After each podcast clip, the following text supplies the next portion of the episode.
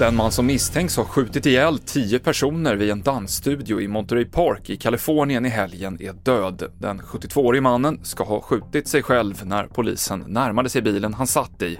Det finns fortfarande inga uppgifter om motiv till massskjutningen.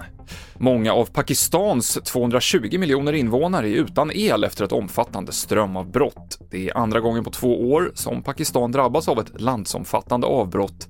Många sjukhus i landet har egna generatorer och skolor använder gas för att värma upp klassrummen eftersom elnätet är så skört.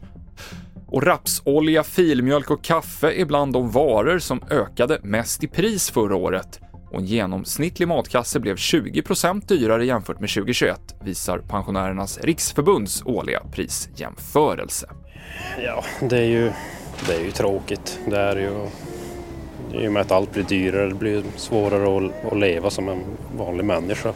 Ja, nu börjar det ju märkas i plånboken. Eh, man eh, registrerar ju att eh, sådana här basvaror som man handlar mycket som, som plötsligt bara skjuter i höjden och kostar mycket, mycket, mycket mer än vad man är van vid.